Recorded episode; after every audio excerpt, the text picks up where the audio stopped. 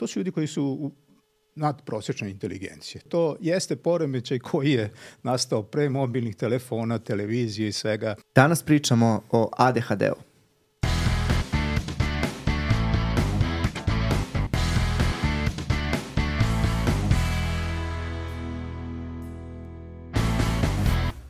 Ćao, dobrodošli u još jednu epizodu Dva i po psihijatra. Danas pričamo o poremećoj pažnje sa hiperaktivnošću, odnosno popularnom ADHD-u, kako je verovatno svima vama već poznat.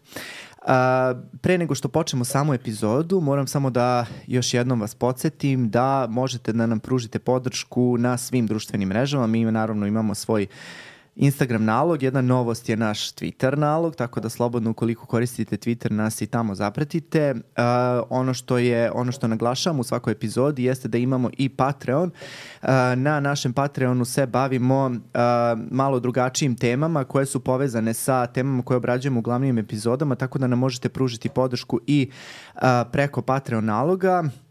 A danas je sa mnom uh, dr. Dragan Mitrović. Uh, dr. Dragan je uh, neuropsihijatar i uh, neko ko je vrlo, uh, kako bih rekao, uh, zainteresovan za ovaj tip poremećaja o kome danas pričamo.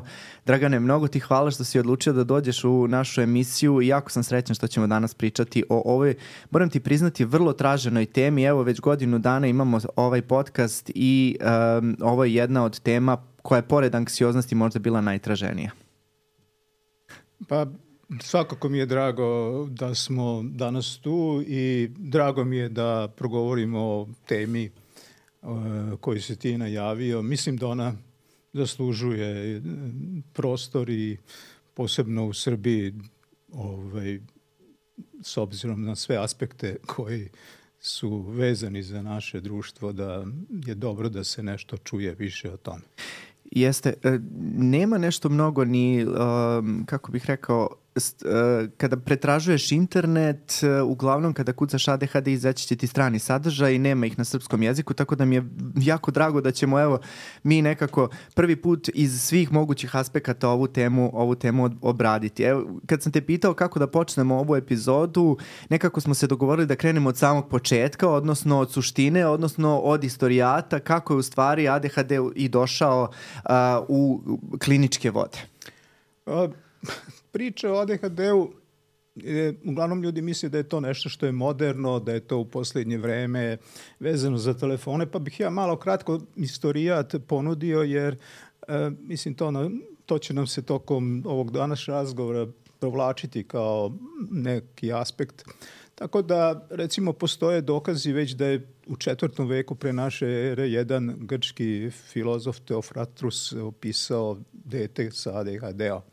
Već onda kasnije 1700 i neke godine ovaj, se isto tako nalazi po nekoj literaturi e, e, takav e, opis, a negde je najpoznatiji Heinrich Hoffmann sa svojim dečakom, to je na engleskom je to fidget Peter, ovaj, znači dečak koji se vrt, polji vrti i tako dalje. Hoffman je bio lekar i psihijatar, tako da praktično već imamo 200 godina opisa ADHD-a na neki način. Tako da to jeste poremećaj koji je nastao pre mobilnih telefona, televizije i svega što, da kažem, ovaj se ovaj, dosta olako povezuje sa njim kad se negira da postoji kao takav. Tako da sledeće jeste da su se pojavljivali opisi, a ono što jeste e, to je da je prvi svetski rat e, imao, da kažem,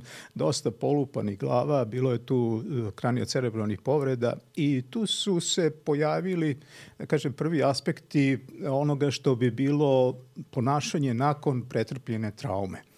I ovaj, tu se već pokazalo da takva ponašanja liče na ona ponašanja koja se viđaju kod, ja ću koristiti sad ADHD, Ove, ranije sam to izbegavao ove, kada smo mi, posle ćemo doći do toga, pričali o hiperkineskom poremeću, znači koristit ADHD, tu englesku skraćenicu.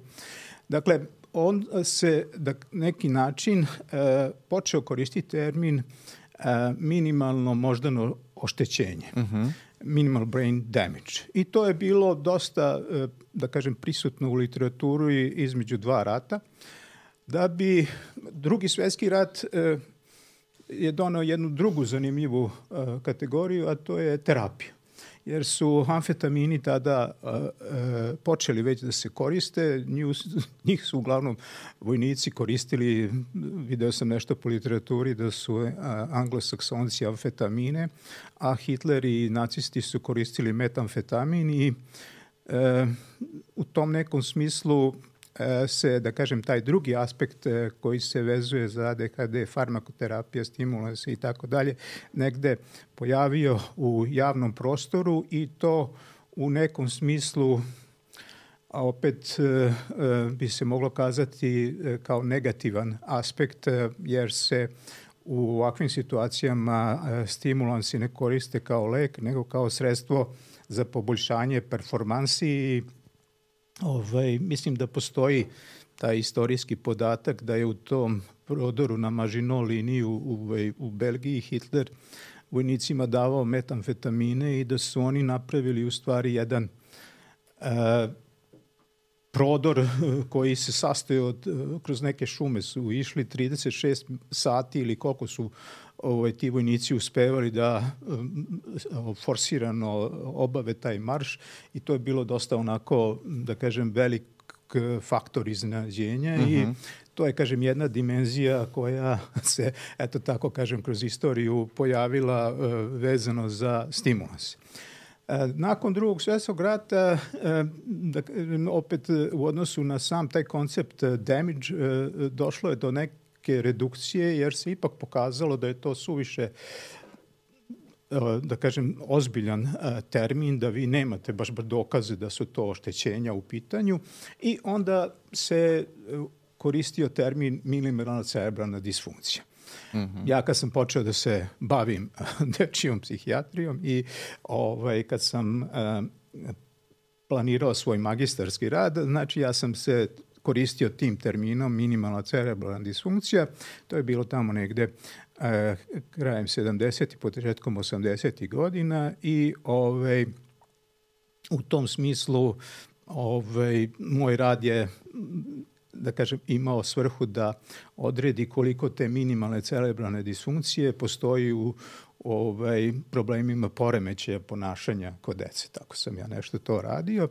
Ove, I u tom, uh, u tom delu ovaj, uh, ajde samo kratko da kažem da smo negde čak uh, neki komorbiditet na nekih 50% ovaj, stekli, a ovaj, u odnosu na sam sindrom MCD-a, on je kasnije isto, pošto je opet i to disfunkcija bila nekako vezana za hemiju, za opet dokazivanje i tako dalje, onda se negde 80. godina i u američkoj klasifikaciji DSM-2 i u ovaj, našoj ovoj evropskoj međunarodnoj klasifikaciji bolesti 9 počinje koristiti opisno ovaj, ovaj poremećaj. Kod nas u, u, u skladu sa svetskom zdravstvenom to je bio hiperkinetski poremećaj ponašanja, a kod Amerikanaca to je bio a, poremećaj ADHD.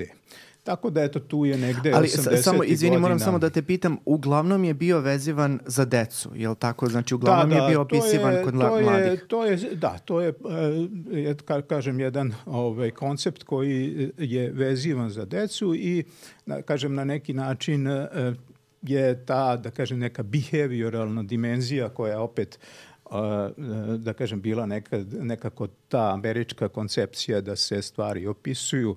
Dakle, to je dominiralo i mi smo imali onda opis, jel? tako da ste dobili onda nekakve znake i to se u principu u smislu diagnostike nije ni mnogo promenilo, jel? Znači, ovaj... A i ti opisi su ostali nekako slični i do dana današnjeg da. kako izgleda dete sa ADHD-om. Znači, evo možemo, evo kratko, e, s obzirom da se o ADHD-u i dan danas nekako uglavnom kada se priča, priča se o deci sa, sa tim hiperkinetskim poremećajem, Uh, Evo, možda bi bilo interesantno ljudima da čuju kako izgleda kod dece, pa ćemo evo u drugom delu epizode da se baziramo na odrasle, što je dosta zanemarena kategorija kada god pričamo o dečijim bolestima, ver, psihijatrijskim pogotovo, a, nekako kao da ta deca nikad ne porastu, kao da ovaj, a, taj poremećaj bude samo do, a, koji je ono kod nas ovaj, granica, recimo 15 godina, posle kad dođe 16. godina nema, nestaje poremećaj. E ono što mi sada znamo jeste da je to potpuno drugačije. E, ajde sad možemo eto da se dotaknemo toga kako u stvari su opisivani poremećaj i šta se to menjalo kroz vreme od 80. godina, a kako to danas izgleda, ovaj, evo, pa možeš da, da, da podeliš sa nama. Pa što se tiče, što se tiče tog koncepta, on kod nas i nije ni promenjen. Znači, taj osnovni koncept je sadašnjom klasifikacijom bolesti desetom revizijom e, i dalje e, poremećaj koji se isključivo vezuje za decu. E, znači, u Švedska zdravstvena je 2018. već e, da kažem, e, usvojila i ovaj, ponudila 11. klasifikaciju bolesti, gde se poremećaj ADHD praktično ovaj, e, više ne vezuje za uzrast, odnosno on se smatra sada neurorazvojnim poremećajem, poremećajem koji traje kroz ceo život i to je ono što a, je neka druga dimenzija.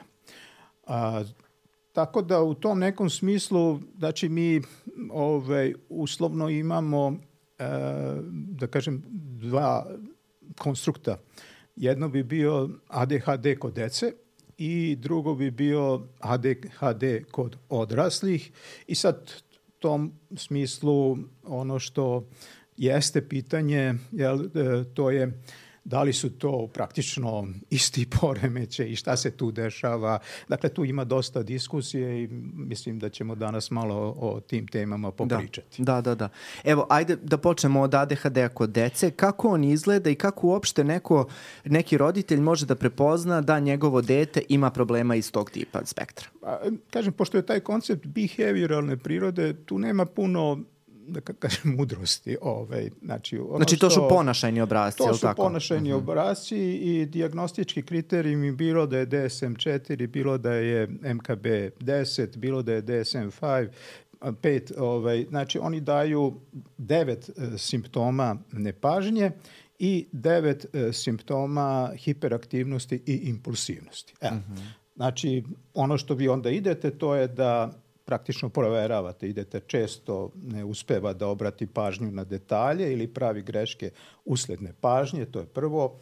Zatim često ima teškoće održavanju pažnje u zadacima ili u igri, često deluje kao da ne sluša kad mu se direktno neko obraća, često ne prati date instrukcije, ne uspeva do kraja da završi zadatke u školi, obaveze ili poslove, često ima problema da se organizuje sa zadacima i aktivnostima, često izbegava, ne voli ili protiv volje učestvuje u zadacima koji zahtevaju mentalni napor.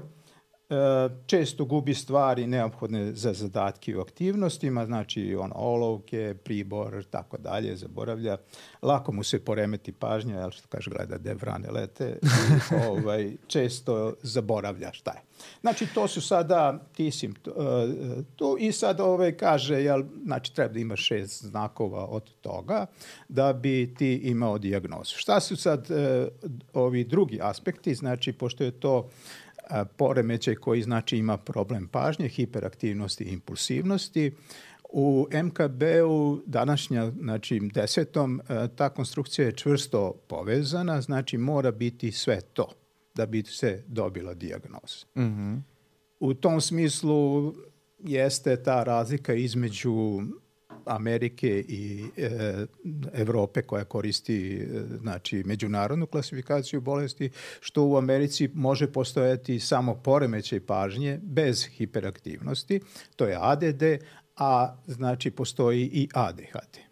E sad, za, za ovo H, tu je znači hiperaktivnost i impulsivnost. E, što se tiče hiperaktivnosti, znači oni se vrpolje, to je to što je opisao Hoffman, fidget, znači stalno se vrp, pokreću šakom, nešto rade, ne mogu da miru sede, ustaju sa stolice u razredu ili nekim drugim situacijama kad to nije vreme, trčkaraju, pentraju se, imaju teškoće da u miru se igraju, uživaju slobodnim aktivnostima, znači to je kao Tom Sawyer što je bio on, Da, da, da. svoje vremeno. Uvijek su spremni Denis kao Napast isto. uključeni, kao uključeni su u struju ili kod nas se to ove, u narodu kaže ima pudravce, ali pa Aha. onda to su, to su simptomi hiperaktivnosti, a što se tiče impulsivnosti, oni pričaju jel, stalno, upadaju u reč, ne mogu da dočekaju svoj red e, i prekidaju drugi. E, ali to- znaš šta, Dragane, najviše me zanima, uh, evo iz tvoje jako bogate prakse, šta je ono što roditelji prvo primete ili zbog čega uopšte dovode de dete kod tebe na pregled? E, što se tiče samog, e, da kažem, dečeg e, ADHD-a, e, ja bih to, da kažem, nekako, kažem, to je, mislim, tema za sebe i, kažem, tu nije bilo ničeg spornog u praktično ovom našem dosadašnjem o- e, radu. Moja, kažem, praksa je duga i e, ovaj, e, u tom nekom smislu eh, mogu je podeliti na, na, na dva dela. Jel? Dok se, da kažem, eh, mi smo lek dobili dosta kasno, jedini lek koji, koji ovaj, postoji u Srbiji za ADHD, to je dakle stimulans i u tom nekom smislu eh, nekako odsustvo tog leka nas nije kao službe nije nas negde, da kažem, uh, učinilo sposobnim da mi uh, intervenišemo. Jel?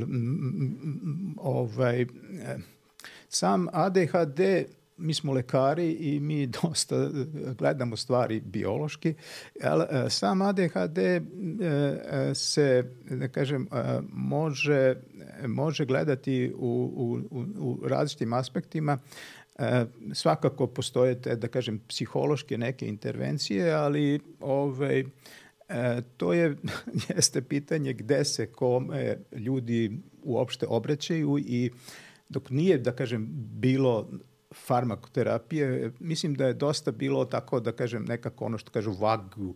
Ljudi su lutali, nisu znali gde da se, da se Pa pojave. pogubljeni su bili, nisu Pogubljeni znali, da, su da, da. bili u tom nekom smislu, jer e, mi sad e, e, e, ADHD možemo gledati mislim ono što što bih sabrao za taj deči znači mi imamo jedan jednu dimenziju to je roditelj i e, dete e, sa a, ADHD-om. Znači, e, vi kada imate tako dete, znači uglavnom se smatra da ADHD treba da se mislim, to je jedan od kriterijuma da se pojavljuju dva, tri okruženja u školi, kod kuće, u igri. Znači, e, aj sad u školi to su učiteljice, jel? one primećuju da ta deca ne mogu da sede, da ne prate, da prave neke probleme, ometaju nastavu i tako dalje.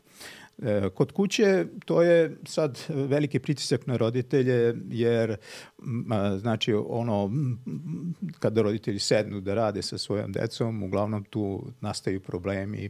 Oni izbegavaju ne uspevaju da e, obave ono pod pritiskom su tenzije su tu velike i u tom smislu ovaj e, bilo je lepo ovaj u BBC je pravio jedan od čuvenih eksperata u domenu ADHD-a, to je Eric Taylor iz instituta u Londonu. On je ovaj, sa svojom ekipom išao u kuću i ovaj, onda su prolazili to što bi bile svakodnevne situacije, od samog momenta buđenja takve dece do mm, onih rutinskih stvari, mm, onog vremenskog, jer vi kad idete na posao, vi se spremate, deca trebaju u školu, kažem, to su sve pritisci, panike i tako dalje. I mapirali su kako se ponašaju, jel? I, da, i tako da u tom nekom smislu, e, dakle, ADHD e, ima taj, da kažem, svoj osnovni problem, to je, dakle, to što e, znači, deci koja ga imaju pravi problema u njihovom funkcionisanju, a s druge strane to bi bili oni sekundarni problemi koji iz, iz, iz, proizilaze iz samog ADHD-a u odnosu na celo to porodično okruženje kao sistem. I to je, da kažem, negde jedan a, dosta važan aspekt e, koji e, je deo praktično i e, nekih intervencija i deo tretmana i kažem kroz tu ovaj, e, taj serijal Eric Taylor je pokazao šta, gde, kako može da se radi i to su kažem intervencije koje se dobije. Mm -hmm. E sad... Da li uopšte je neophodno da ukoliko, evo sada ti si uh, naveo sve simptome ADHD-a, znači od hiperaktivnosti, poremećaja pažnje, impulsivnosti i uh, kažeš da se to javlja u nekoliko sredina, dakle školska sredina, kućna sredina, da li je to igralište, da li je to neka, nek, nek, recimo kada dete ode u goste i tako dalje. I neki roditelj sada primeti da, e, čoveče, ovaj čovek ovaj doktor opisuje moje dete. Znači, moje dete ne može da se svrti u školi, ne može da prati, stalno ustaje, prekida, ometa, ne može da sačeka da neko drugi sa, nas, o, završi sa svojom pričom, ne može da se skoncentriše, što, što kažeš, gleda gde vrane lete, bukvalno tako izgleda. A, da li je neophodno da se obrati psihijatru ili šta da radi? Evo, da, da sprečimo u 2024. godini ljude da lutaju. Mislim, e, i tu je sad ono što, što jeste pitanje, to je dakle e, e, koliko ljudi uopšte veruju da je to poremeć. Jel, jer mnogi e, roditelji... I to je bilo moje sledeće pitanje i super što si krenuo u tom smeru. Da. mnogi roditelji smatraju da ja sad imam prilike da razgovaram sa odraslim ADHD-ovima i onda ih pitam pa šta su tvoji roditelji radili dok si ti takav bio. Pa kaže nikad nisu, oni su mislili da sam ja lenj, ovo ono i tako dalje. Jel, to je, to je da kažem, ne, nešto što je jedan jedan aspekt. E, e, druge strane, ovaj, e, ja sad imam mnogo više dece neko što sam ranije ovaj, imao sad, ne znam koliko je baš sad uputno, ali ja sam sad u privatnoj praksi i nešto drugačija mi je perspektiva, ali mi dolaze roditelji sa decom koja, kod koje prepoznajemo ove simptome i u principu ja se mislim ADHD se opet može gledati kao, i, i to jeste u nekim diagnostičkim kriterijumima u DSM-5, znači on se može gledati kao blag, umeren, ja poredim često sa pritiskom, jel? kao kad imate lako povišen pritisak umereno ili teško povišen. Znači, ako imate lako povišen krvni pritisak, vi možete dosta da uradite s dijetom, sa fizičkom aktivnošću, izbjegavanjem stresa i tako dalje. I u tom smislu, znači, za takav ADHD e, e, ja uglavnom predložim e, da se jave psihologu. Naš e, psiholog, e, mom, ja, jedan psihološkinja smo napravili, da kažem, a, kao jedan mali um, ADHD tim, ovaj, tim uh, jeste i onda ona uh, radi s njima. Znači, postoje tu neke tehnike, ove, ima kao recimo jedan se zove Brain Gym, to je dosta onako zanimljivo, prekopčavanje mozga, ide jedna serija deset vežbi, ovaj, to će ona možda jednog dana ovaj, više pričati o tome, znači to su, imate onda neurofeedback, e, tako dalje, znači postoji kognitivna terapija, porodično savjetovanje i tako dalje, znači to su za te lakše forme. Za ove umerene, tu farmakoterapija svakako odigra svoju ulogu i to je ono što Jeste, znači e, taj lek koji mi imamo, taj je jedan jedini, kažem, koji je registrovan za ADHD kod dece u Srbiji, to je ovaj metilfenidat, e, jel, on dosta e, može dobro da pomogne porodici i onda vi vidite tu razliku. E sad, ono što bih ja teo da kažem dok smo kod dečijeg ADHD-a, a to sam kroz taj svoj magistarski rad radio, to je jedan dimenzija koja se tiče tog e, vremena. Jer e, mi sad pričamo o ADHD u preseku, jel? To je tako, pa sad to je tako, jel? Mislim, znači, sednete da radite ovo, ono, imate problem, dajete vrti se i tako dalje.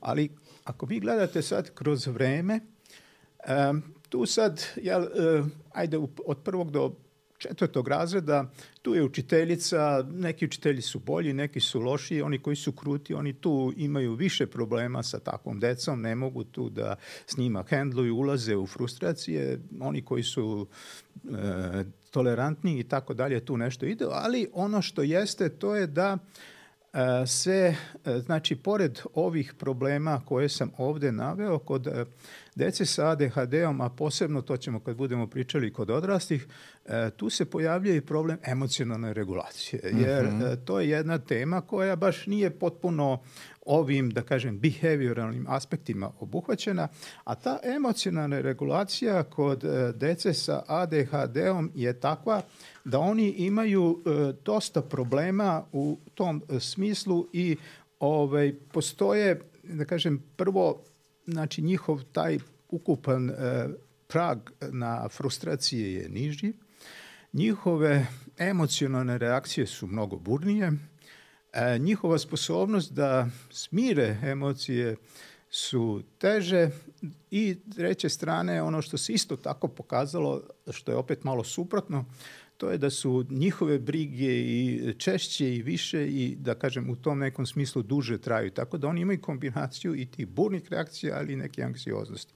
E sad kad se to uklopi sa poremećajima pažnje, e, pa se e, doda ovaj emocionalni deo, I onda postoji još ta treća dimenzija, to je, da kažem, nešto što smo mi mi smo 2008. napravili jedan e, priručnik kao hiperkinetski poremećaj, gde smo e, posebno istakli komorbiditet, jer ADHD odnosno hiperkineski poremećaj e, ima dosta visok komorbiditet i on sa sobom nosi poremećaje ponašanja, depresivne poremećaje, anksiozne poremećaje, tikove.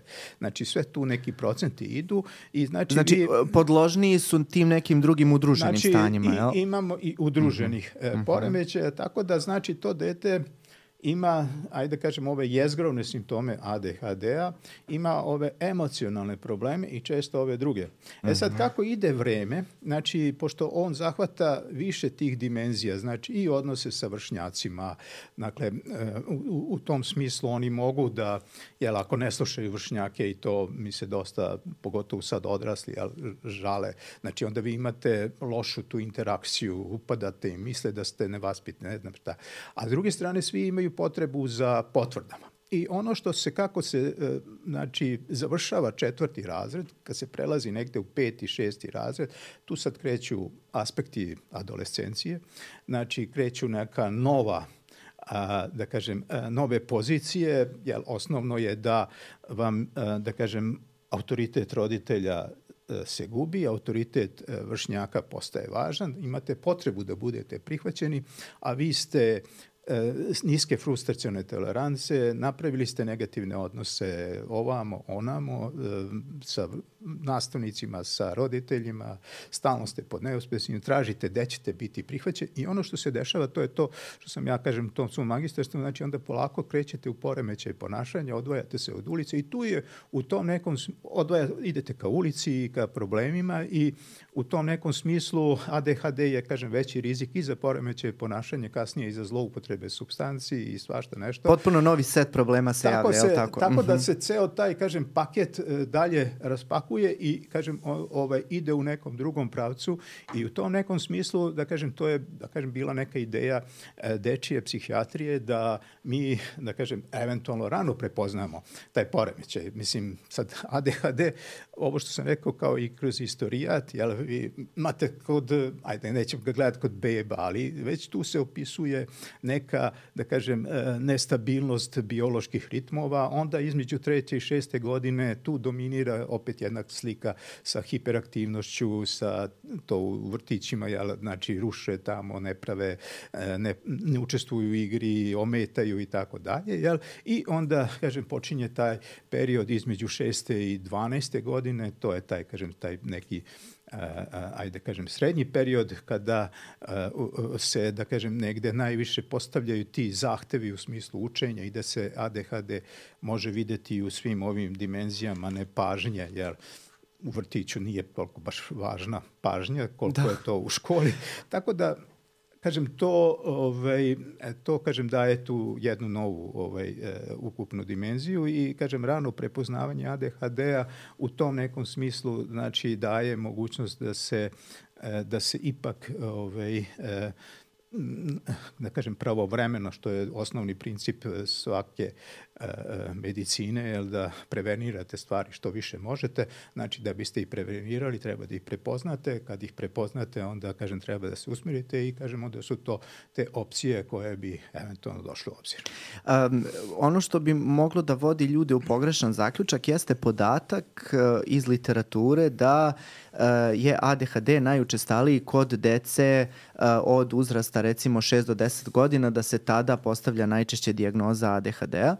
A, međutim, upravo iz ovoga što si ti rekao jeste da e, je u stvari e, više tu jedna situaciona razlika, odnosno da deca koja e, izlaze iz vrtića iz jednog nestrukturisanog okruženja gde e, njihov gde, gde zahtevi nisu dovoljno rigidni da se ispolji taj nivo neposlušnosti, impulsivnosti i ostalih stvari koje njih karakterišu u stvari dolaze šesta godina, sedma godina, dolaze, kreću u školu kod tih nekih recimo rigidnih učitelja, povećavaju se zahtevi, od dece se odjednom traži u našem standardnom školstvu da se sedi 45 minuta, da se uh, pazi na nastavi i ovaj u tom momentu kreće da se prepoznaje, odnosno kreće da izlazi ono pod znacima navoda najgore iz deteta, uh, kada i uh, neretko u stvari se upućuju deca kod dečijeg psihijatra upravo od strane škola.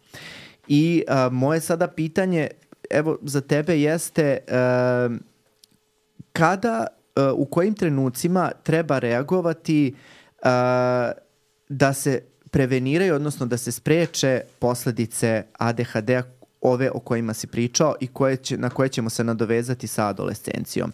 Da li je to rano prepoznavanje pre polaska u školu, da li je okej okay da se prvi put neko obrati kada krene u školu i uh, kada krenuti sa ovim intervencijama o kojima si pričao?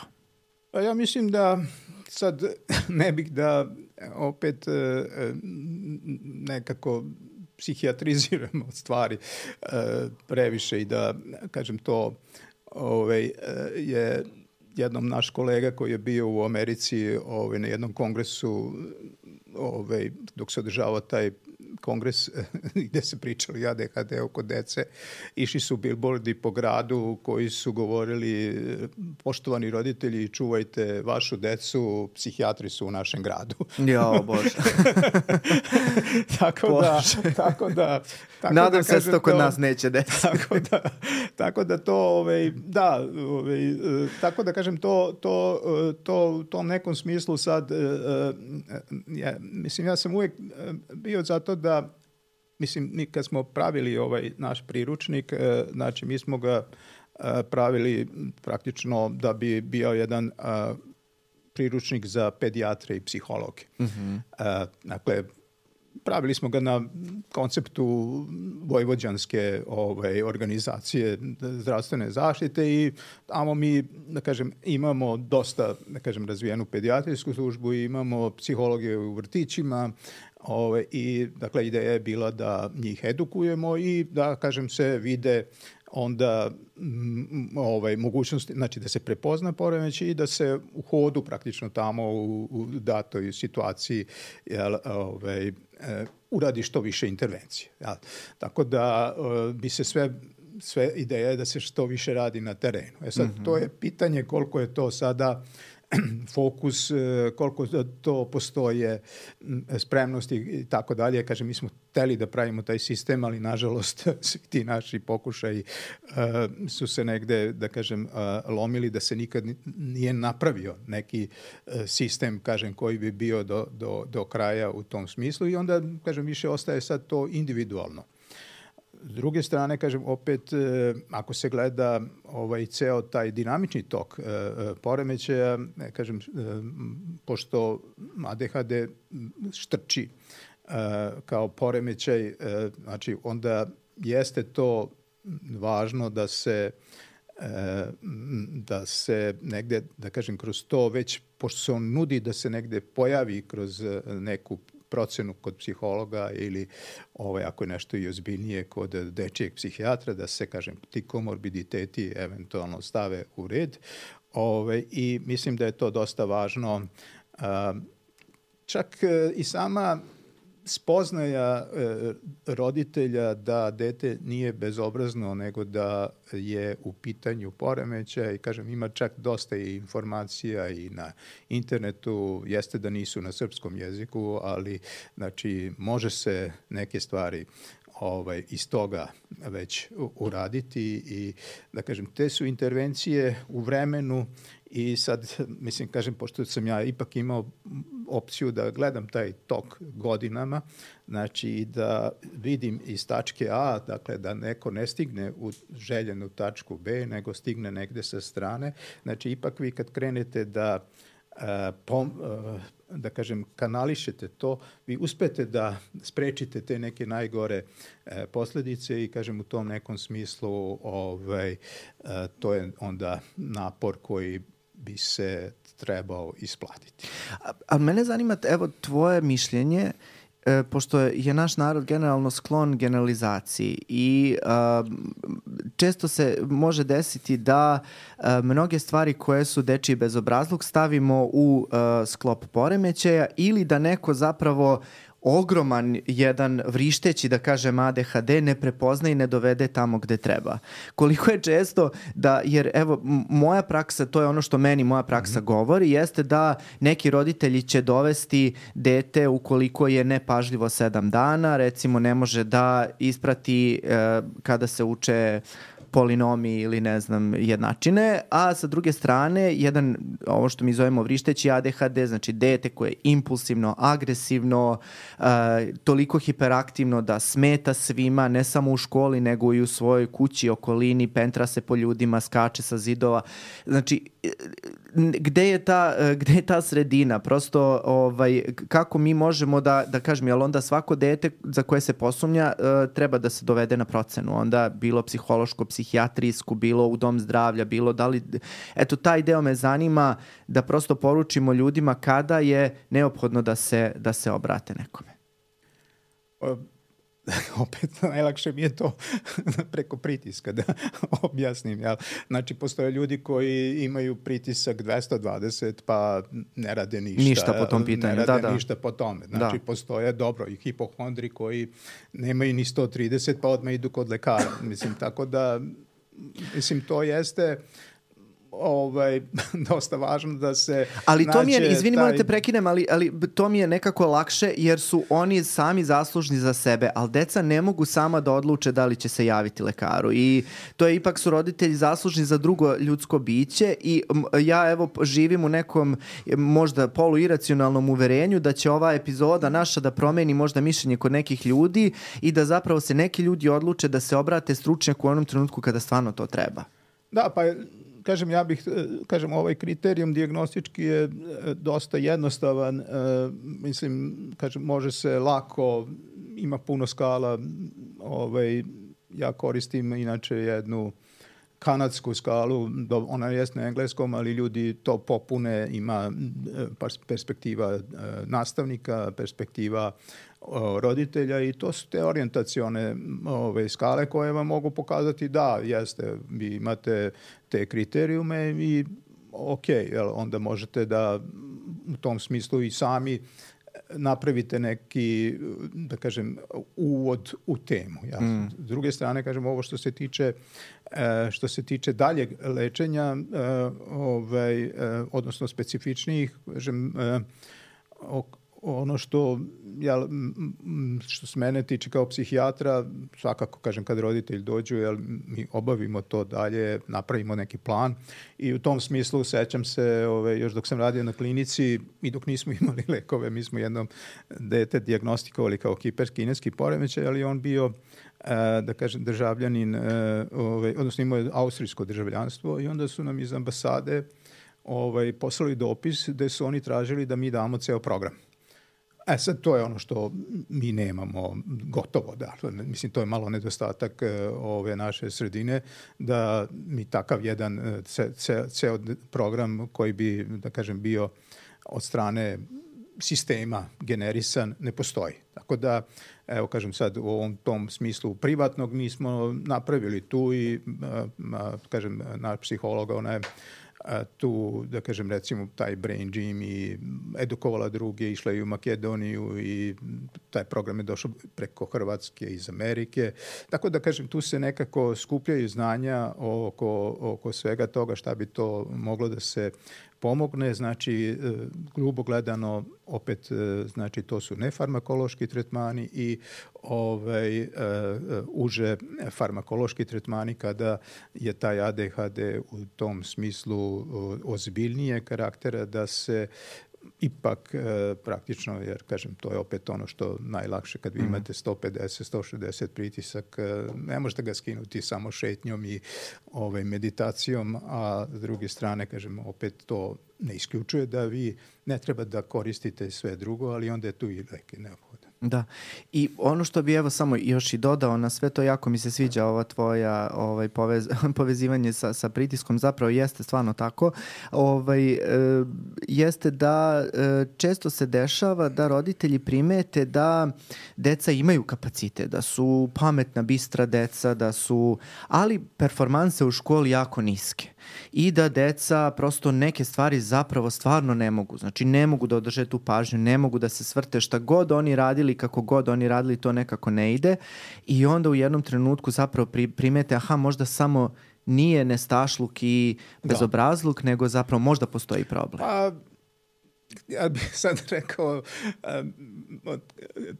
približavamo se možda razgovoru u ADHD-u kod odraslih. Da ali ovaj, pošto sam ovaj, u poslednjih deset godina sticajem okolnosti e, kako sam izašao iz e, da kažem državnog sistema gde sam bio odgovoran za decu do 18 godina i prešao u privatnu praksu odjednom su, tamo sam u biografiji stavio da sam se ja bavio ADHD-om, da sam ne znam tako dalje to nešto ispitivao, pratio i to. Odjednom su počeli da se javljaju odrasli. Aha odrasli sa ADHD-om i onda su oni baš meni sad to govore. Sad su oni postali skoro i roditelji, imam ja tu ljudi 30, 40, 50 godina. Ja pitam pa kako to bilo? A uglavnom su ih roditelji e, smatrali lenjim, uglavnom su im učitelji govorili ti si pametan, ti to možeš, ali eto ti to nećeš i e, Aha. tako dalje. Tako da kažem, oni su stalno e, dobijali te kvalifikacije da mislim, i to jeste nešto što jeste suština ovoga e, našeg, e, da kažem, rada, da raspravimo da li to neko nešto neće ili to ne može. da, na nama je taj da donesemo da, taj i eto kažemo ovo, ovo što kad dođu odrasli, ovaj, oni, oni e, stvarno ljudi su, da kažem, ovaj, potvrđuju da oni to nisu mogli koliko god da su hteli i zato je to onda poremeć. Da. E, uh, ajde sad, evo, nekako si ovaj, dao šlagvor za, za, za prelazak na ovu temu. Možda da krenemo ovaj, od adolescencije, nekako smo se toga e, prvo dotakli. Koje su stvari, kada dolazi do promene? Znači, kada dolazi do neke, do neke variacije na temu i kako znamo da neki ADHD uh, perzistira i dalje kod osobe, da se i dalje radi o tome, ali nekako klinička slika se menja. Da, pa e, kažem, taj ADHD ima taj trijas e, koji je u osnovi, znači, e, poremećaj pažnje, poremećaj pažnje opet ima pod, znači, aspekte, to je selektivnost pažnje i održavanje pažnje kao ovaj, problem, znači hiperaktivnost i impulsivnost. E sad, ono što su istraživanja pokazala, to je da se i hiperaktivnost i impulsivnost u nekom smislu gube tokom e, tog nekog razvojnog perioda do adolescencije praktično i nestaju. Međutim, ono što se ipak ispostavilo to je da poremeći pažnje e, se ne gube Ostaje. u tom stepenu. Mm -hmm. Da. Oni se mogu, oni se mogu, ali se smatra čak negde, različite su to sad neka istraživanja, ali se smatra, nešto da pamti od dve trećine uh, ljudi sa, sa poremećem pažnje se, se gube i onda je to to. E sad, uh, tu počinje sad ta priča ovaj, uh, sa, sa ADHD-om odraslih, jer se uh, da kažem, ovaj, e, u tom nekom smislu menja, menja ambijent i ovaj, kažem, meni je, meni je negde i profesionalno od, odjednom postalo nešto zapanjujuće da, da kako, su, kako, kako su ljudi počeli da saznaju, ne, kažem, tu nešto, te društvene mreže, Reddit posebno. Reddit to je glavni za... Pa, ima svašta, mislim, svakako, svakako ljudi e, traže, ljudi traže podatke, vide da nešto s njima nije u redu i oni, da kažem, kopaju, traže očajno. Znači, ima dosta ljudi koji rade sa, sa inostranstvom, onda nam je moj klijent pa kaže, ovaj, moj šef tamo, ne znam, u IT u Americi ili u engleskoj ideje, kaže, pa on ima ADHD, pa kao, pa ja, mi smo prošli, pa kaže, ti imaš sve te simptome, idi traži pomoć. Dakle, tom smislu, u tom smislu, ovaj, kažem, to je jedan neki izvor informacije. Druge strane, ovaj, puno, da kažem, e, e, stvari na mrežama postoje i onda ljudi u jednom trenutku se pitaju šta im, šta im je, šta im fali ovaj, i dođu do, do toga da bi oni imali ADHD. E sad tu, tu sad i nastaje uh, jedan problem oko samog, da kažem, tog koncepta, behavioralnog koncepta ADHD-a, ovaj, jer ovaj, sad tu se, se i ja nekako ovaj, sa svojim nekim ličnim interesovanjima, odnosno i profesionalnim ovaj, nekako upetljio, jer recimo to nisam spomenuo kad sam radio taj svoj magistarski rad kod dece, e, mene je kopkalo šta se još krije iza tih behavioralnih podataka i mi smo onda, imao sam jedan e, ovaj, upitnik za meke neurološke znake, to je jedna koleginica iz Zagreba, doktorirala na tome, Soft Neurological Science, i onda sam ja toj deci sa, da kažem, uh, hiperkinijskim poremećajem gledao i meke neurološke znake, pa se mhm. ispostavilo da oni imaju problema dosta u toj finoj motorici i ono što mi dosta znamo da ADHD ima problem sa grafomotorikom, imaju problem sa čitanjem, imaju problem ovaj, e, i toga, ali smo sticajem okolnosti na našoj klinici imali jedan aparat eh, iz nekog ruskog svemirskog programa koji se zvao reoencefalografija ili REG. Uh mhm. -huh. A, ovaj, e, taj aparat je e, merio eh, otklone u cerebralnoj cirkulaciji u dva položaja, vi kad ležite i kad ustanete. Jel? I ovaj, znači, to je normalno da se pritisak u glavi nešto promeni, pa smo ovaj, mi gledali koliko taj pritisak ide i onda oni koji su imali recimo ADHD, oni su imali veće otklone, odnosno njihov mozak se ponašao kao nezreli. Aha. Ukupno. I motorno i, i vegetativno i to je ono što, znači kad gledamo, kažem sad bebe, jel, one u tom smislu vegetativno su nekako nezrelije i ovaj, to, kada gledate emocionalne reakcije, one su burnije i to je opet jedan deo neke nezrelosti i mi smo tada, pošto su moji profesori a, ovaj, nisu bili, ja, ja sam nekako najviše angloamerički se školovao, ali jedan moj profesor je bio francuska škola, drugi bio nemačka, ali onda su Francuzi imaju jedan drugi opis i pristup e, uopšte psihijatriji, Nemci opet imaju neku sistematičnost, pa smo mi to čak jedno vreme pokušali da zovemo psihoneurovegetativni sindrom umesto ADHD. Mm -hmm.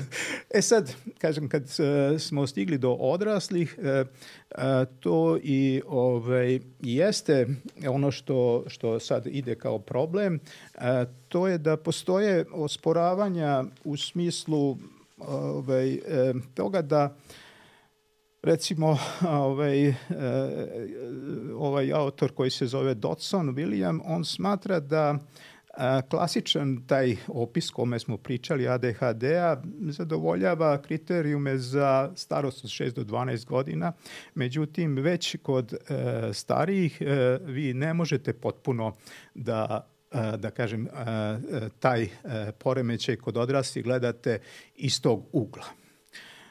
Dobro, ono što je svakako dobro, to je da je i ova MKB 11 Znači, e, smatra se da je poremećaj e, znači, prisutan oko 5%, to nismo spomenuli, znači populacije, da je odnos 2 naprema 1 za dečake, ali to je kad se gleda hiperaktivnost. Međutim, meni sada kad dolaze e, odrasli, ja imam jednak odnos muškaraca i žena I ono što imam kod žena, to je da su one umesto te hiperaktivnosti imale daydreams. Znači, one su bile odsutne, misli su im lutale, nisu pazile na čas, su eventualno su uvek nešto crtale, radile drugo i tako dalje. Tako da, znači, taj, e, taj propust e, je negde tu i kažem sad se s jedne strane izjednačava stvar. Mm -hmm. A kod muškaraca šta je bio najveći problem? Pa dobro, kažem, kod muškaraca jeste taj hiperaktivnost, Aha. ali ono što bi, da kažem, e, mislim da mi niko nije viš, ušao u, u, u, u, u ovaj, ordinaciju, a da nije spomenuo prokrastinaciju. A, e, odlično, odlično. Mi već prokrastiniramo našu epizodu o prokrastinaciji, za to nas već ovaj, zavitlavaju na društvenim mrežama, ali evo, super što si to pomenuo, jer uh, zapravo to može da bude jedan od delova ADHD, ali tako kod odraslih? Pa da, e, sad se, kažem, to e, što, što s, e, mislim, ja sam doktorirao kasnije neuropsihologiju i neuropsihologija je unela jednu novu dimenziju u, u opšte tumačenje ponašanja, jel, ona počinje sa lurijom i sa onim, znači, čisto jedno da, da spome, znači, objasni, znači, neuropsihologija gleda veze između ponašanja i e, pojedinih delova mozga, jel? I u tom nekom smislu, jel, jer gleda, ako imaš tumor, šta ti e, se, znači, ako je on u nekom delu, u ovom delu i tako dalje.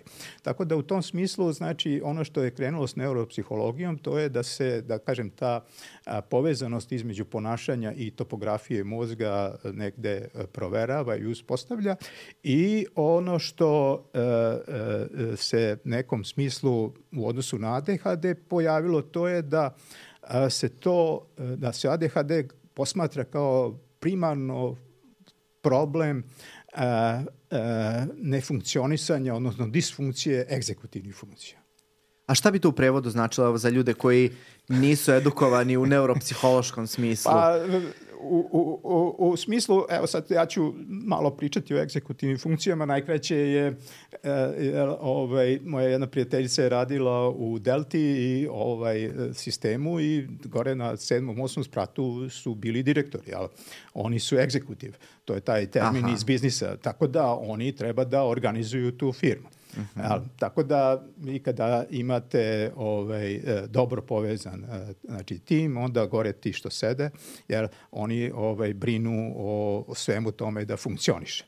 U smislu, e, da kažem, mozga, a, egzekutivne funkcije se uglavnom vezuju za prefrontalni deo mozga, to je znači neka najmlađa struktura mozga koja ima ulogu da organizuje, kontroliše i planira naše ponašanje i ovaj, ona negde počinje se razvija dosta rano sa drugom godinom, a evo ovaj, ovaj e, e, ovaj, Barkley, Russell Barkley, on smatra da se e, negde praktično taj razvoj završava tek sa 30. godinom, Um, ja sam ranije držao da je maturacija mozga sa 24-5 godina, tako da je sad mhm. vidim da je to malo pomereno, ali znači egzekutivne funkcije su te koje bi u, u, kod ljudi sa ADHD-om predstavljale problem i ovaj, e, one bi u tom nekom smislu znači tu e,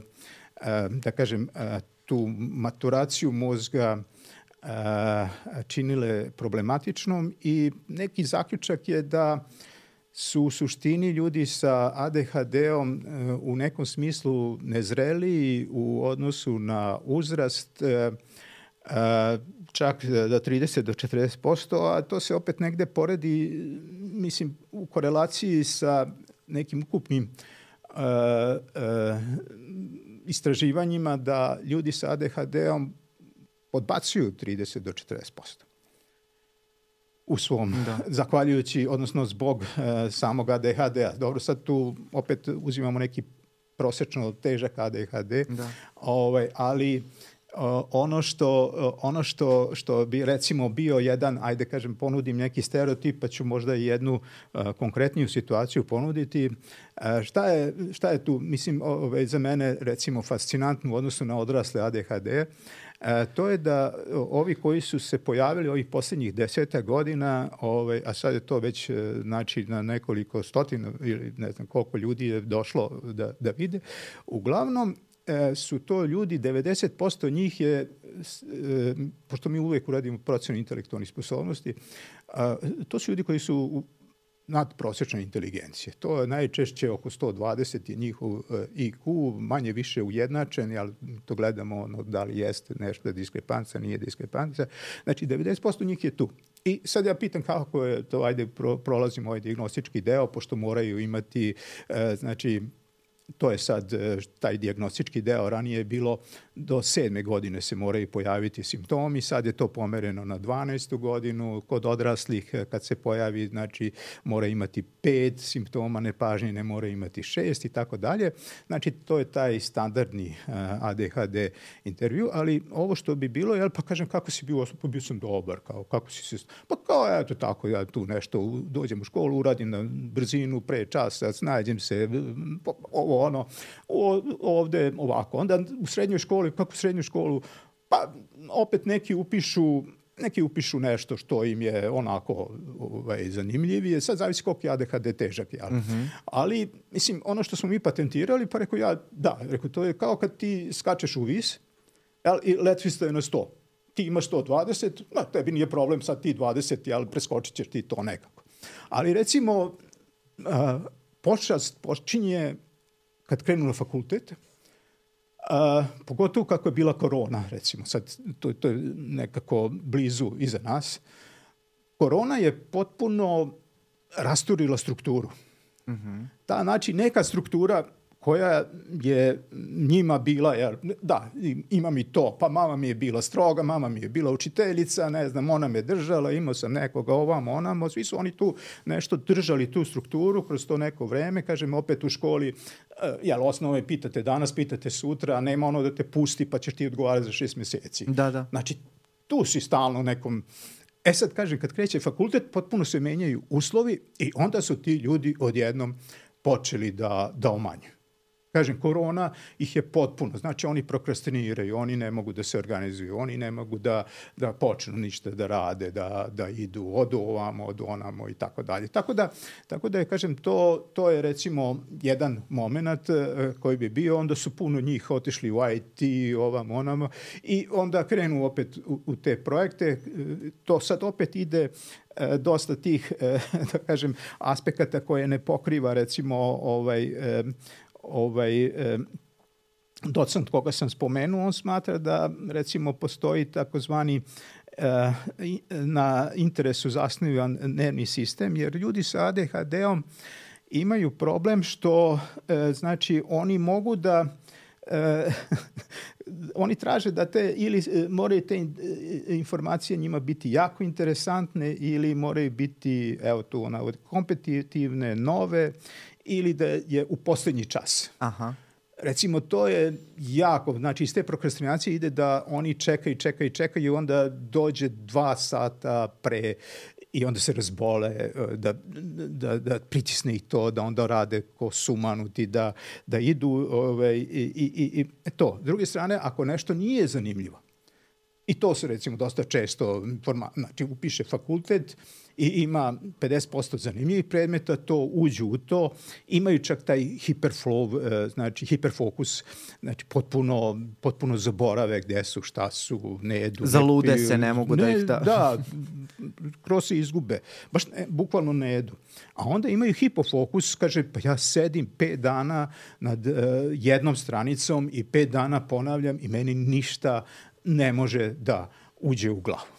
Da. E, to je sad, to su sad, kažem, te neke dimenzije koje e, objašnjavaju egzekutivne funkcije i evo sad mo kratko jedan lep prikaz, e, ovaj, kažem, Russellov e, u smislu šta su egzekutivne funkcije. Znači, to su veze tog prednjeg dela mozga sa nižim strukturama koje obezbeđuju nekoliko procesa koji su opet kod odraslih ADHD-a prisutni on je to lepo anglosaksonski, oni to vole da prave te razne skraćenice, stavio sa what, when, why and who. Mm -hmm. Znači, what, uh, to je taj put koji ide uh, u ove uh, bazalne ganglije, znači iz prefrontalnog korteksa i ovaj, on uh, nam pomaže da uh, znači on praktično radi sa radnom memorijom.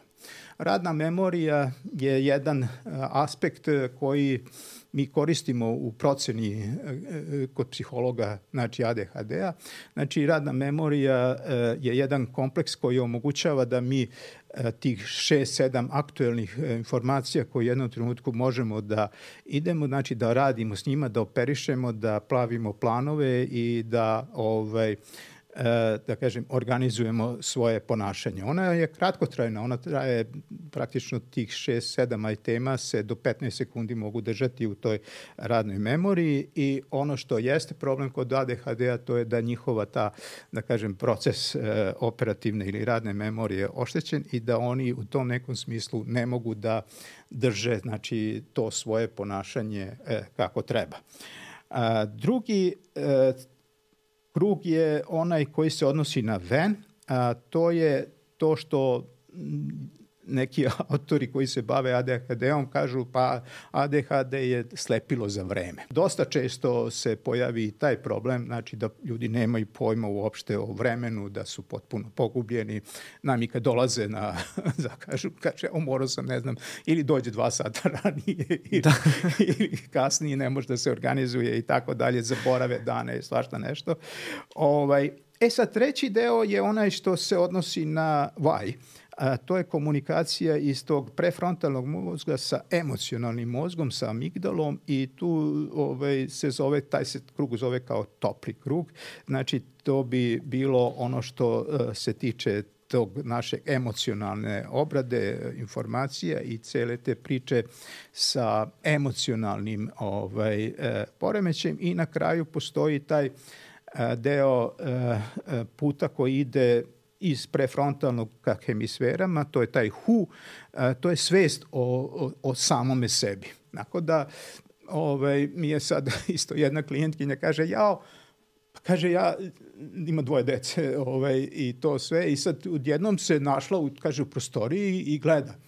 U, ovaj, u, u, u, u, uključila je peglu na jednom mestu Na drugom mestu je e, stavila, ne znam, e, kafu da se kuva, na trećem mestu je krenula na mašinu da ovaj, za ovaj, suđe, da neki veš. Kaže, ja sam tako sve postavila i, i, i kaže, nemam uopšte e, pojma des. Tako da, E, kažem, ono što e, bi, da kažem, u tom smislu egzekutivnih funkcija, znači, Russell, da kažem, negde, zaokružio tu stvar, to je da mi imamo sedam aspekata koji su, koji su igri, a to je znači ta samosvest o sebi, samokontrola, zatim neverbalna radna memorija, verbalna radna memorija, emocionalna samoregulacija, samomotivacija, i planiranje i rešavanje problema. Znači, to je ono što egzekutivne funkcije rade, odnosno kod ADHD-a to ne rade. E sad, u tom nekom smislu, možda je ovo sad malo i komplikovano i složeno, ali opet stal, on uh, za te projekcije koristi tuning kao izraz. Znači, najbliže bi to bilo kao kad slušate radio u kolima, uh. -huh. pošto ga tu uglavnom svi slušaju. Ovaj, I onda vam ta signalizacija, signal vam nije dobar. Ili vam je signal slab ili imate šumove. I onda ljudi koji imaju ADHD stalno imaju to, jel, počnu jednu stanicu, drugu stanicu, treću stanicu i odu, odu negde.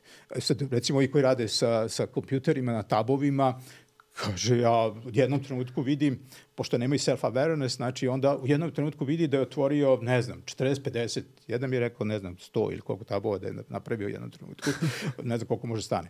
Ove, ovaj, Mislim, beskonačno.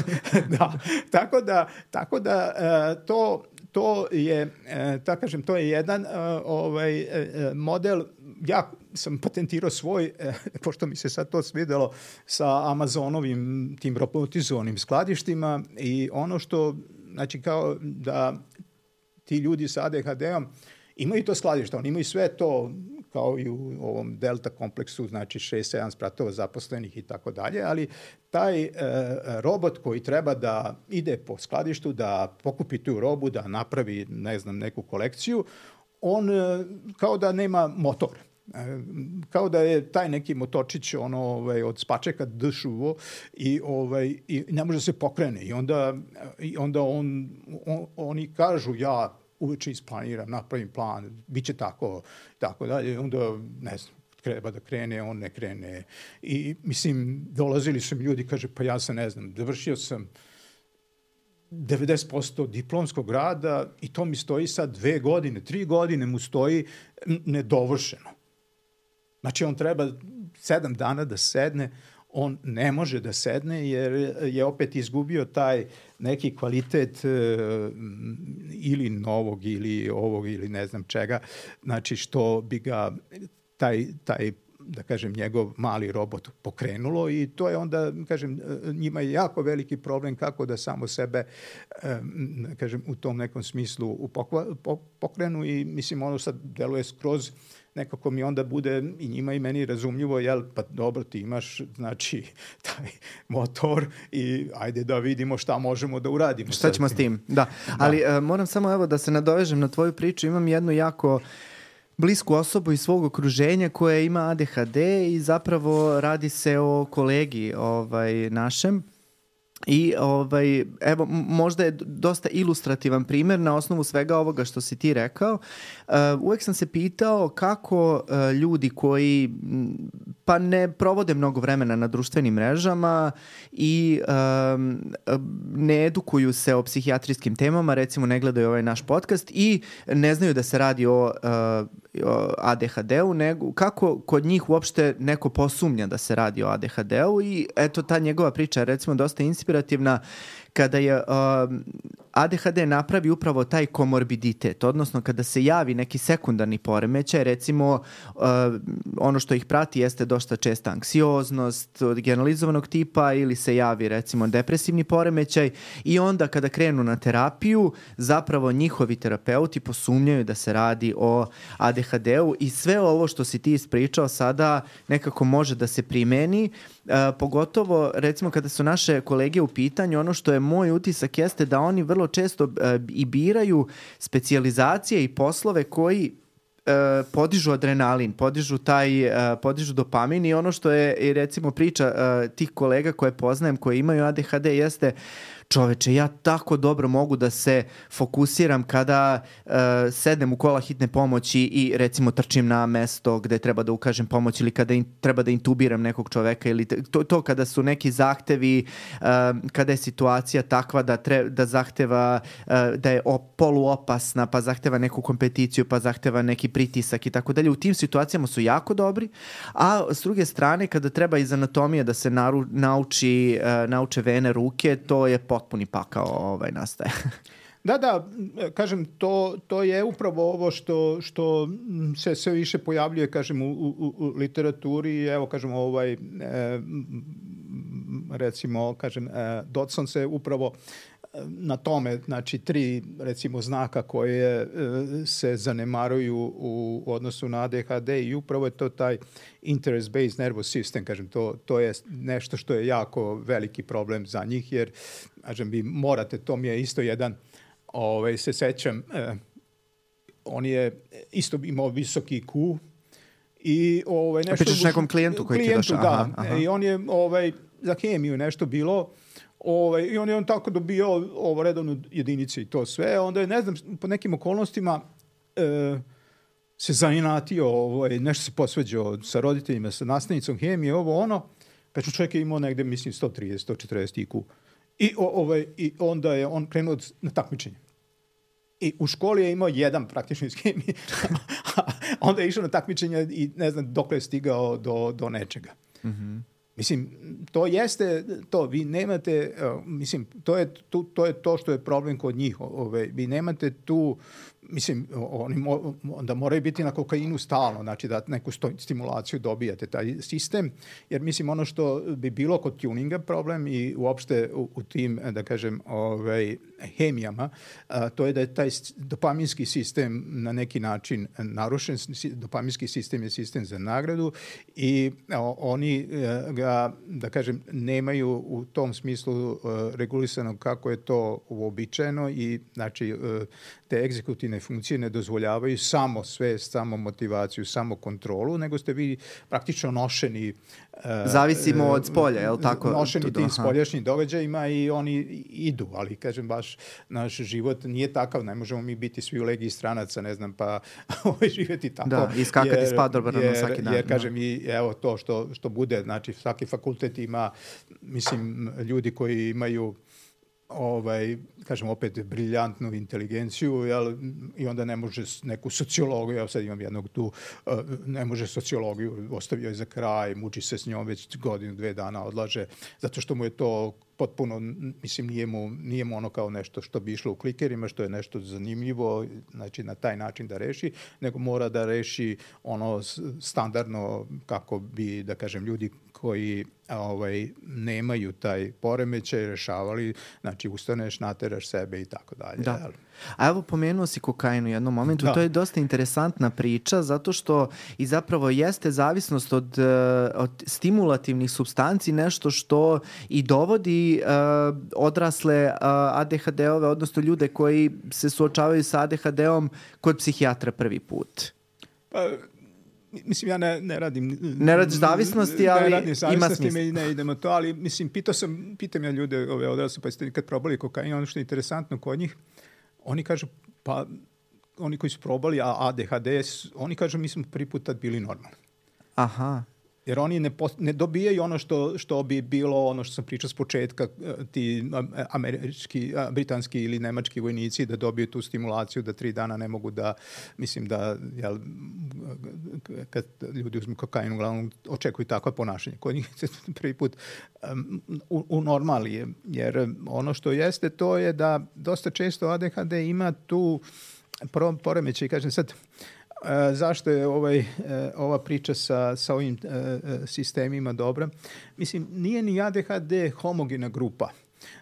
Znači, oni imaju različite podtipove i ovi, ove puteve koje Russell navodi, neki ljudi imaju više time blindness, neki imaju problem sa organizacijom, neki imaju problem sa, sa baš tim emotivnim budnošću, podbuđenošću. recimo, bila mi jedna devojka koja je bila u Španiji, tamo je dosta da kažem, taj odnos prema ADHD-u da kažem, ona pozitivan i brinu o tome i ona je dobila 5 mg recimo Ritalina, to je kratko delujući stimulans. Ona je na tome sredila svoje emocije potpuno. Mm -hmm. E, a druge strane, e, ono što je opet, recimo, isto tako kod, e, mislim, to onako da nabacam malo informacije, što ih imam puno o, o svemu i svačemu, ali recimo, e, dosta često e, ono što, što se dešava, jel, e, ljudi idu kod e, psihijatara, e, i ovaj, ovde je jedan dao statistiku da se prosečno ljudi jave kod tri psihijatra i da dobiju 6,6 eh, antidepresiva pre nego što stignu do neke dijagnoze ADHD-a i to u Americi. Čoveče. Da, tako da i meni, kažem, uglavnom dolaze ljudi tu. E sad, to je ono što je opet sad um, kod nas problem, jer um, mislim, nas dvojica smo dečiji psihijatri i ADHD je bio, da kažem, dečija bolest. Da.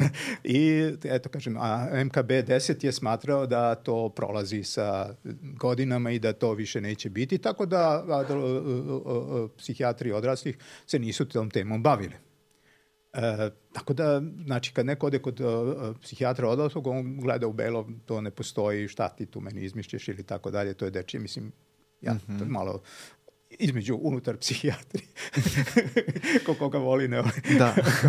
Ove, ovaj, tako da kažem, tu, tu nema nekog, razum, nekog velikog razumevanja i kažem, tu je, tu je malo problem što, evo kažem, ja da nisam otišao u privatnu praksu, verovatno nikad ne bi primao odrasle na dečijem odeljenju e, ljude, međutim, eto sad kako sam u toj, da kažem, privatnoj praksi, ovaj, moj prostor je slobodan i, ovaj, kažem, odjednom su se pojavili mnogi ljudi koji su tu. S druge strane, kažemo, eto to bavljenje e, e, minimalnom cerebralnom disfunkcijom pre 40 godina i ovaj to moje interesovanje ka neuropsihologiji mi je nekako da kažem dalo tu dobar ugao da mogu da ljude sa ADHD-om vidim i da ih razumem i ono što stvarno imam utisak da je to dosta velika patnja. Daleko od toga da ne postoje uh, ideje sa zloupotrebom i, i, i, I to jeste stvari, na da. Redditu bilo, a kao odeš tamo dobiješ e, koncertu za džabe, mislim to prvo nije tačno, niti se dobija koncerta za džabe, dakle e, ona ide na dupli recept, e, to je psihoaktivna substanca, strogi su kriterijumi, mora se proći diagnostički postupak i to sve, ali s druge strane evo ovaj, možda za, za ovaj deo razgovora jako sam ponosan, ovaj, to se inače jednom trenutku su radili, pošto je bila diskrepanca između ADHD-a u Americi i u Engleskoj, pa su radili sa psihijatrima, e, znači davali su iste prikaze, ali snime pa daju američkim psihijatrima, engleskim psihijatrima da retiraju i procene ADHD, koliko je ta konkordantnost. Tako da sam ja jednu klijentkinju koja je, e, s kojom sam radio online, e, ona živi u Manchesteru i ovaj, pravnik je tamo i onda se, pošto je ona ovaj, iz Novog Sada, jel, onda se meni obratila prvo i tako dalje, mi smo prošli njenu priču i ja kažem da vi gospođi imate ADHD. Ovaj, I ona ne bude lenja i ode tamo uh, u ADHD centar ovaj, koji se samo bavi ADHD-om i ovaj, e, poslala mi je da kažem svoju dokumentaciju u kojoj e, su da kažem ti da kažem moji diagnostički postulati potvrđeni i nezavisno, tako da kažem u tom smislu znači ADHD kao koncept, ajde kažem da sam potvrdio da, da postoji ali, ovaj, to sve, ali evo recimo možda kažem je ilustrativno šta sve, šta sve ide i ovaj, šta sve obuhvata ono što ovaj ADHD može da obuhvata u svakodnevnom životu, a to je da je recimo ona, znači prva rečenica je da je ona tokom celog života bila dezorganizovana i da je kasnila. Znači ovde sad imamo nekih 20 i 30 e, stavki šta sve ovaj, e, znači šta sve njoj pravi problem. E, ona je stalno, kažem, u nekoj napetosti, anksioznosti, gde god se nađe. Onda joj treba puno vremena da bi završila zadatke. Izgubi se u detaljima, izgubi fokus, ovaj, često mora da proverava onda zbog toga stvari. Znači onda neke kompleksne stvari shvata da mnogo e, duže treba vremena nego što, znači to egzekutivne, fun, e, e, egzekutivne funkcije nemaju taj kapacitet da procesuiraju tako puno ove, i, i informacija a, onda u koncentracija, recimo to imam dosta i sa IT-evcima, još kako tako kad rade, ali kad imaju sastanke, oni se raspadnu, jel treba da sedi na sastanku, da sluša šta drugi pričaju, da, ne znam šta. Koncentracija znači je tu. To razume. Da, onda,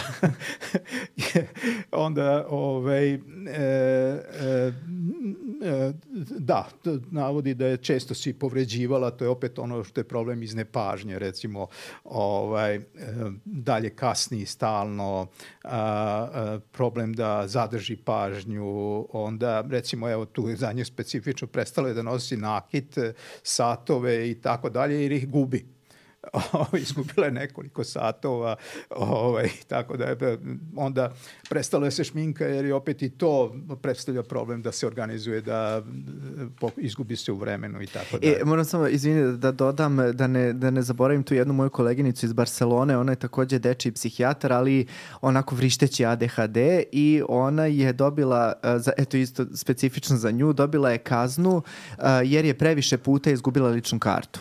Ona je da. nekoliko puta gubila ličnu kartu i onda je SUP odlučio da je napiše kaznu za gubljenje lične karte jer je nešto 7-8 puta, nešto sumanuto mnogo puta izgubila. Da. Tako da eto, ovaj, i to jeste Pa da, da, kažem, to jeste, ima slučaj. nekih stvari koje su, kažem, u tom listingu behavioralnih simptoma, a drugo, kažem, strane postoje mnoge stvari koje su ovaj, uh, uh, iz ovog, da kažem, koncepta egzekutivnog e, funkcionisanja, Ovaj, tako da, znači, evo, ne znam, često se između zadataka pomera, pa ne za, počne jedan, ne završi drugi i tako dalje. Kažem, i, i, i u tom smislu, ovaj, da, e, ono što jeste, često postoji čak i nek, ka tendencija da se, ne svi, ali ja to kažem, postoje podtipovi po meni neki, nekih ovaj, ADHD, ali neki ulaze u noć e, nemirni i uh mhm. -huh. misli im lete na, na, na sto strana i onda dugo ne mogu da zaspaju i imaju loš san i probleme onda dalje oko toga sutra ustajanje, znači to opet dodatno otežava i, i ljudima koji nisu takvi. Uh mhm. -huh. A, druge strane, opet kažem, ADHD ima i svoje e, i kao i dečiji i odrasli ima svoje komorbiditete i mm -hmm. recimo jednom mi baš sam bio i zadovoljan tako nismo mogli da raspravimo šta je da li anksiozan ili je ADHD i onda smo krenuli ajde vidimo da prvo vidimo kao tu nešto anksioznost pa nije išpa nek, nek ovaj ADHD i kad se tu malo neki ADHD, da kažem, nekako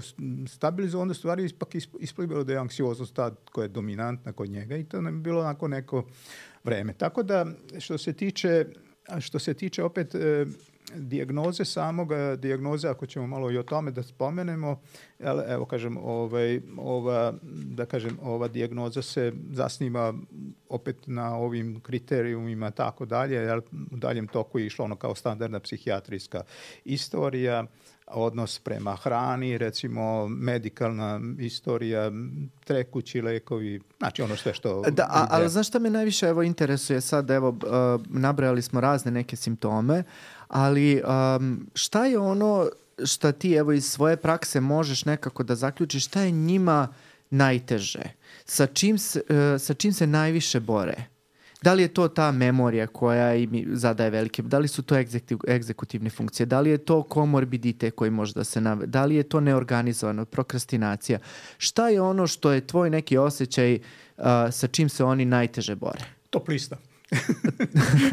pa kažem... Uh, Top pet stvari koje su najteže. Evo, evo kažem, kod, uh, kod ove klijentkinje tu je 20 i nešto, izlistano 20 i nešto stvari.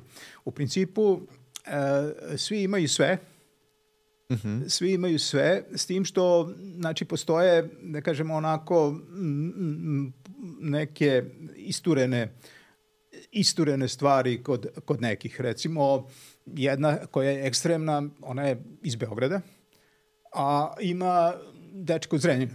Uh mhm. -huh.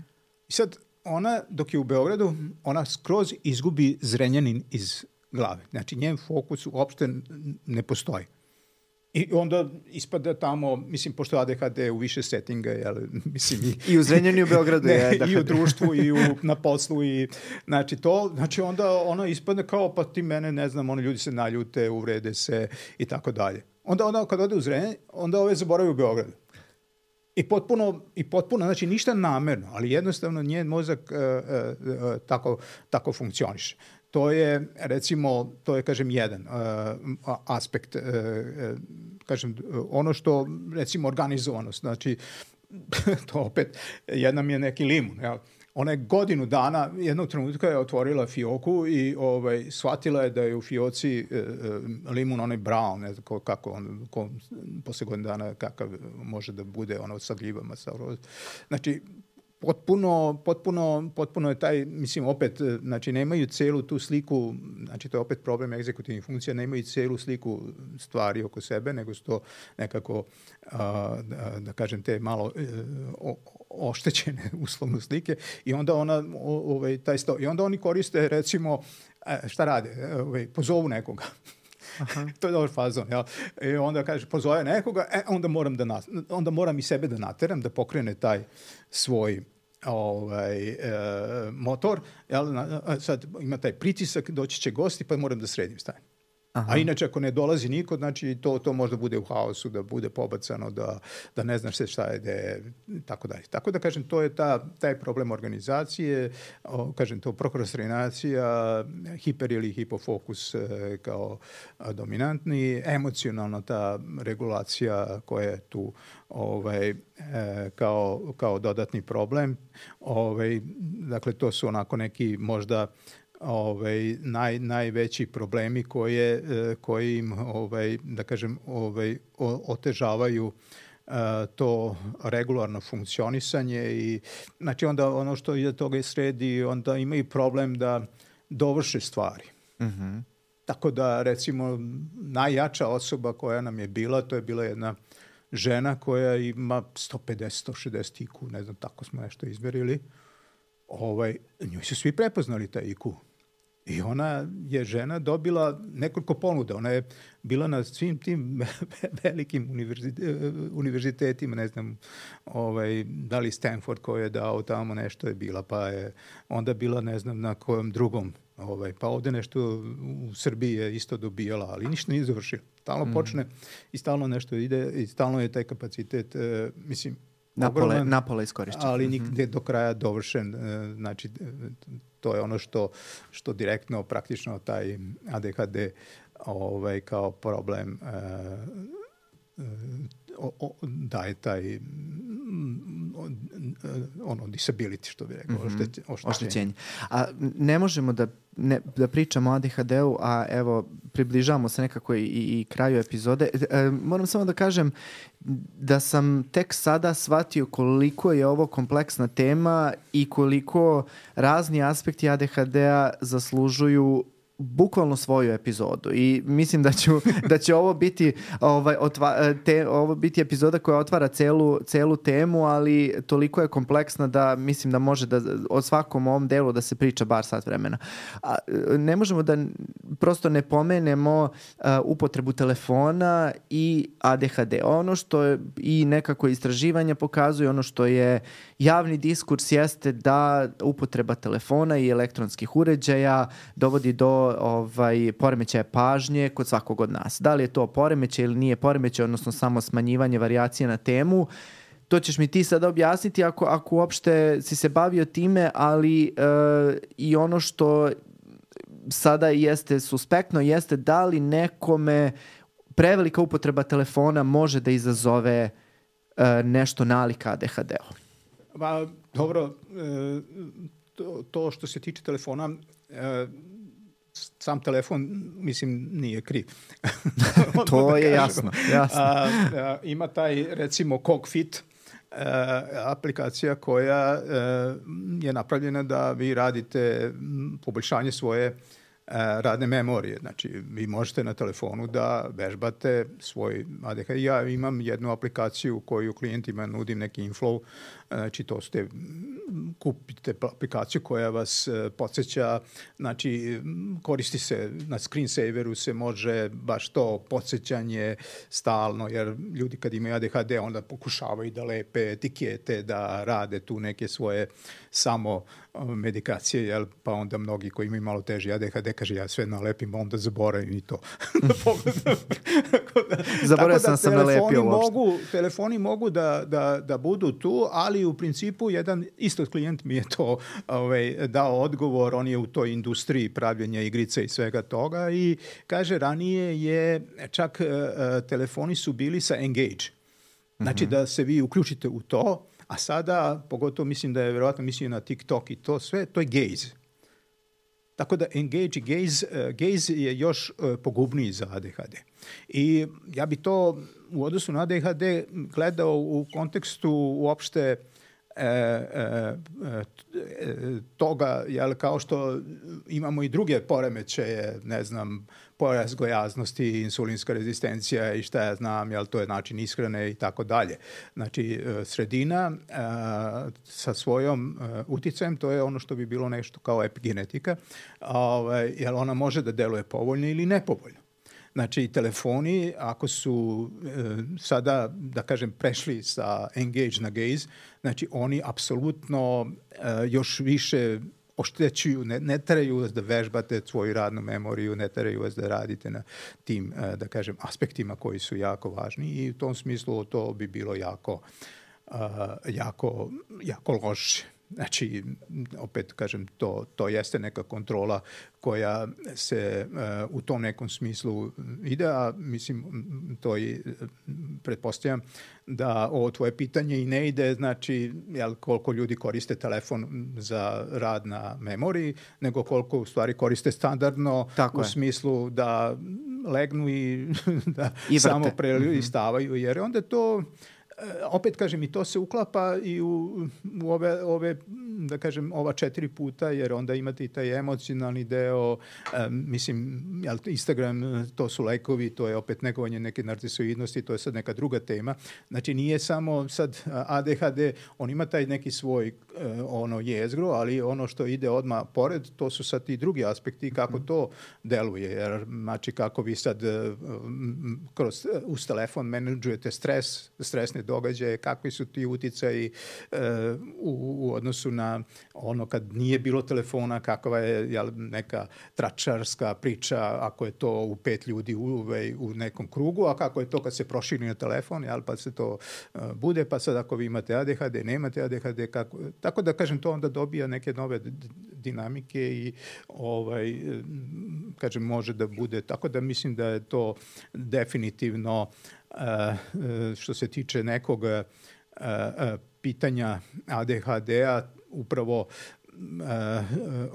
upravo to da, da, da je to nešto kao kada bi poredili kakav je uticaj uh, belog brašna i šećera na porast uh, insulinskih uh, rezistencija i tako dalje u opštoj mhm. populaciji, mm -hmm. tako dalje. Jel imate i nekretanje i ovo, znači kao negativne faktore, tako da i u smislu ADHD-a mislim da on doprinosi, kao što vežbe mogu da doprinose da vi svoj ADHD kontrolišete, tako i ovo da kažem, obrnuto štetne ponašanja mogu da doprinose da se ADHD pogoršava. Uh -huh. I, um, evo, pred sam kraj, um, moram samo izvini da ti uh, otmem ovaj jedan uh, priručnik koji smo, jeste, evo ga, uh, pošto smo u jednom trenutku rekli da ima jako malo uh, stvari na srpskom jeziku, bilo popularne litera, bilo stručne literature koji se bave ADHD-om. Ja moram samo evo sa ponosom da kažem da je naša ekipa sa Alexa Instituta za mentalno zdravlje izdvojila ovaj, najbitnije aspekte ADHD-a kod dece i prvi put kod odraslih.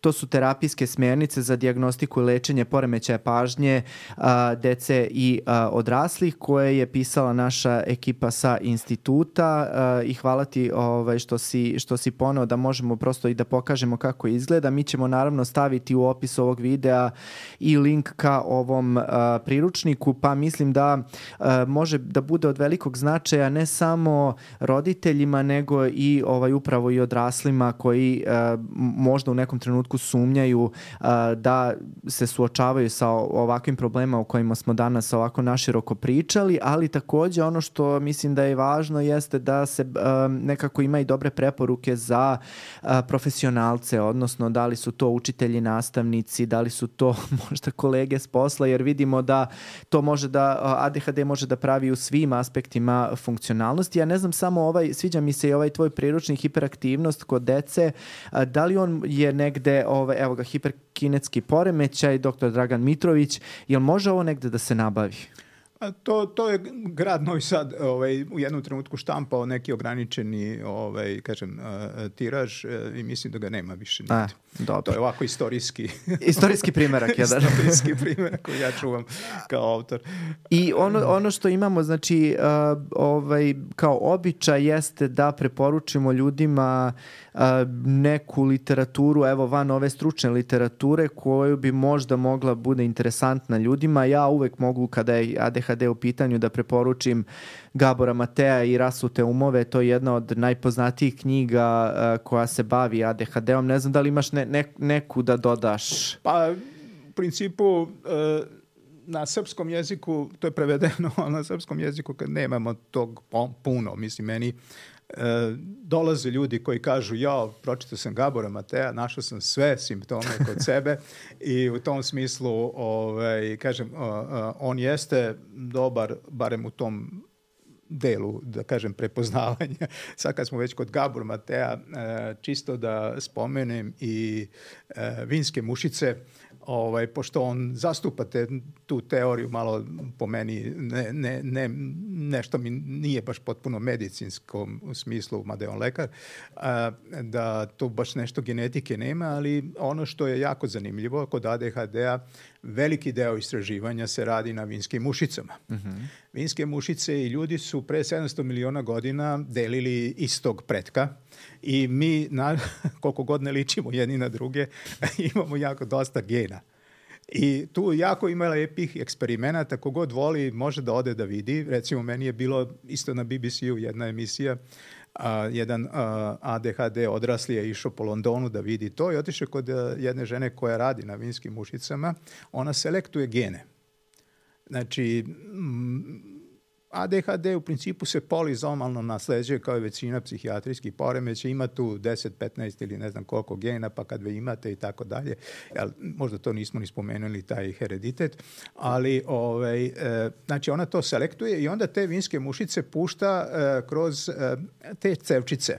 One treba da pređu neki pola metra, ovaj, znači imamo mušice koje imaju ADHD gene i one koje nemaju ADHD gene i onda im meri vreme, a pri tome recimo dobijaju e, dobijaju na izmenično svetlo i tamnu mm -hmm. linije ispod da ih malo zbunjuje, jer to je kod ljudi sa ADHD-om često problem, koliko ima spoljašnje diksakcije, da li su u mirnom stanju, to je sve ono što je važno kada se radi. Tako da kažem, u tom smislu, znači, e, ta e, priča sa vinskim mušicama s jedne strane pokazuje da geni imaju značajnu ulogu i tu se dosta i gleda kako e, znači, lekovi deluju na razne simptome i tu je recimo nađeno da ne samo i do ne, neuroni, već i glija učestvuje u tome, znači to su neke uže teme, ali uglavnom evo što ono što bi bilo jel, za, znači, kraj, e, to je da mi često nalazimo hereditet i evo još, pošto sam tu razne primere navodio, zvao me jedan e, Beograđanin koji je profesor e, na fakultetu, otišao je u Australiju i prvo što je uradio sa 45 godina tamo je otišao u ADHD centar i tamo su mu potvrdili da ima ADHD a onda on mene zvao da vidimo šta ćemo s njegovim ocem koji ima 70 godine, da njega eventualno završimo proces dijagnoza. Tako da postoje dosta herediteta i ja imam nekoliko da kažem, ovaj, klijenata koji dolaze, otac i sin češće mm -hmm. nego, mada ima i majki, ovaj, ali ovaj, dolaze i ovaj, e, e, bavimo se njihovim problemom sa. ADHD-om, tako da, tako da kažem, u tom nekom smislu mislim da možda je jedini problem kod Matea e, to što smo imali recimo i u drugim nekim poremećajima, e, e,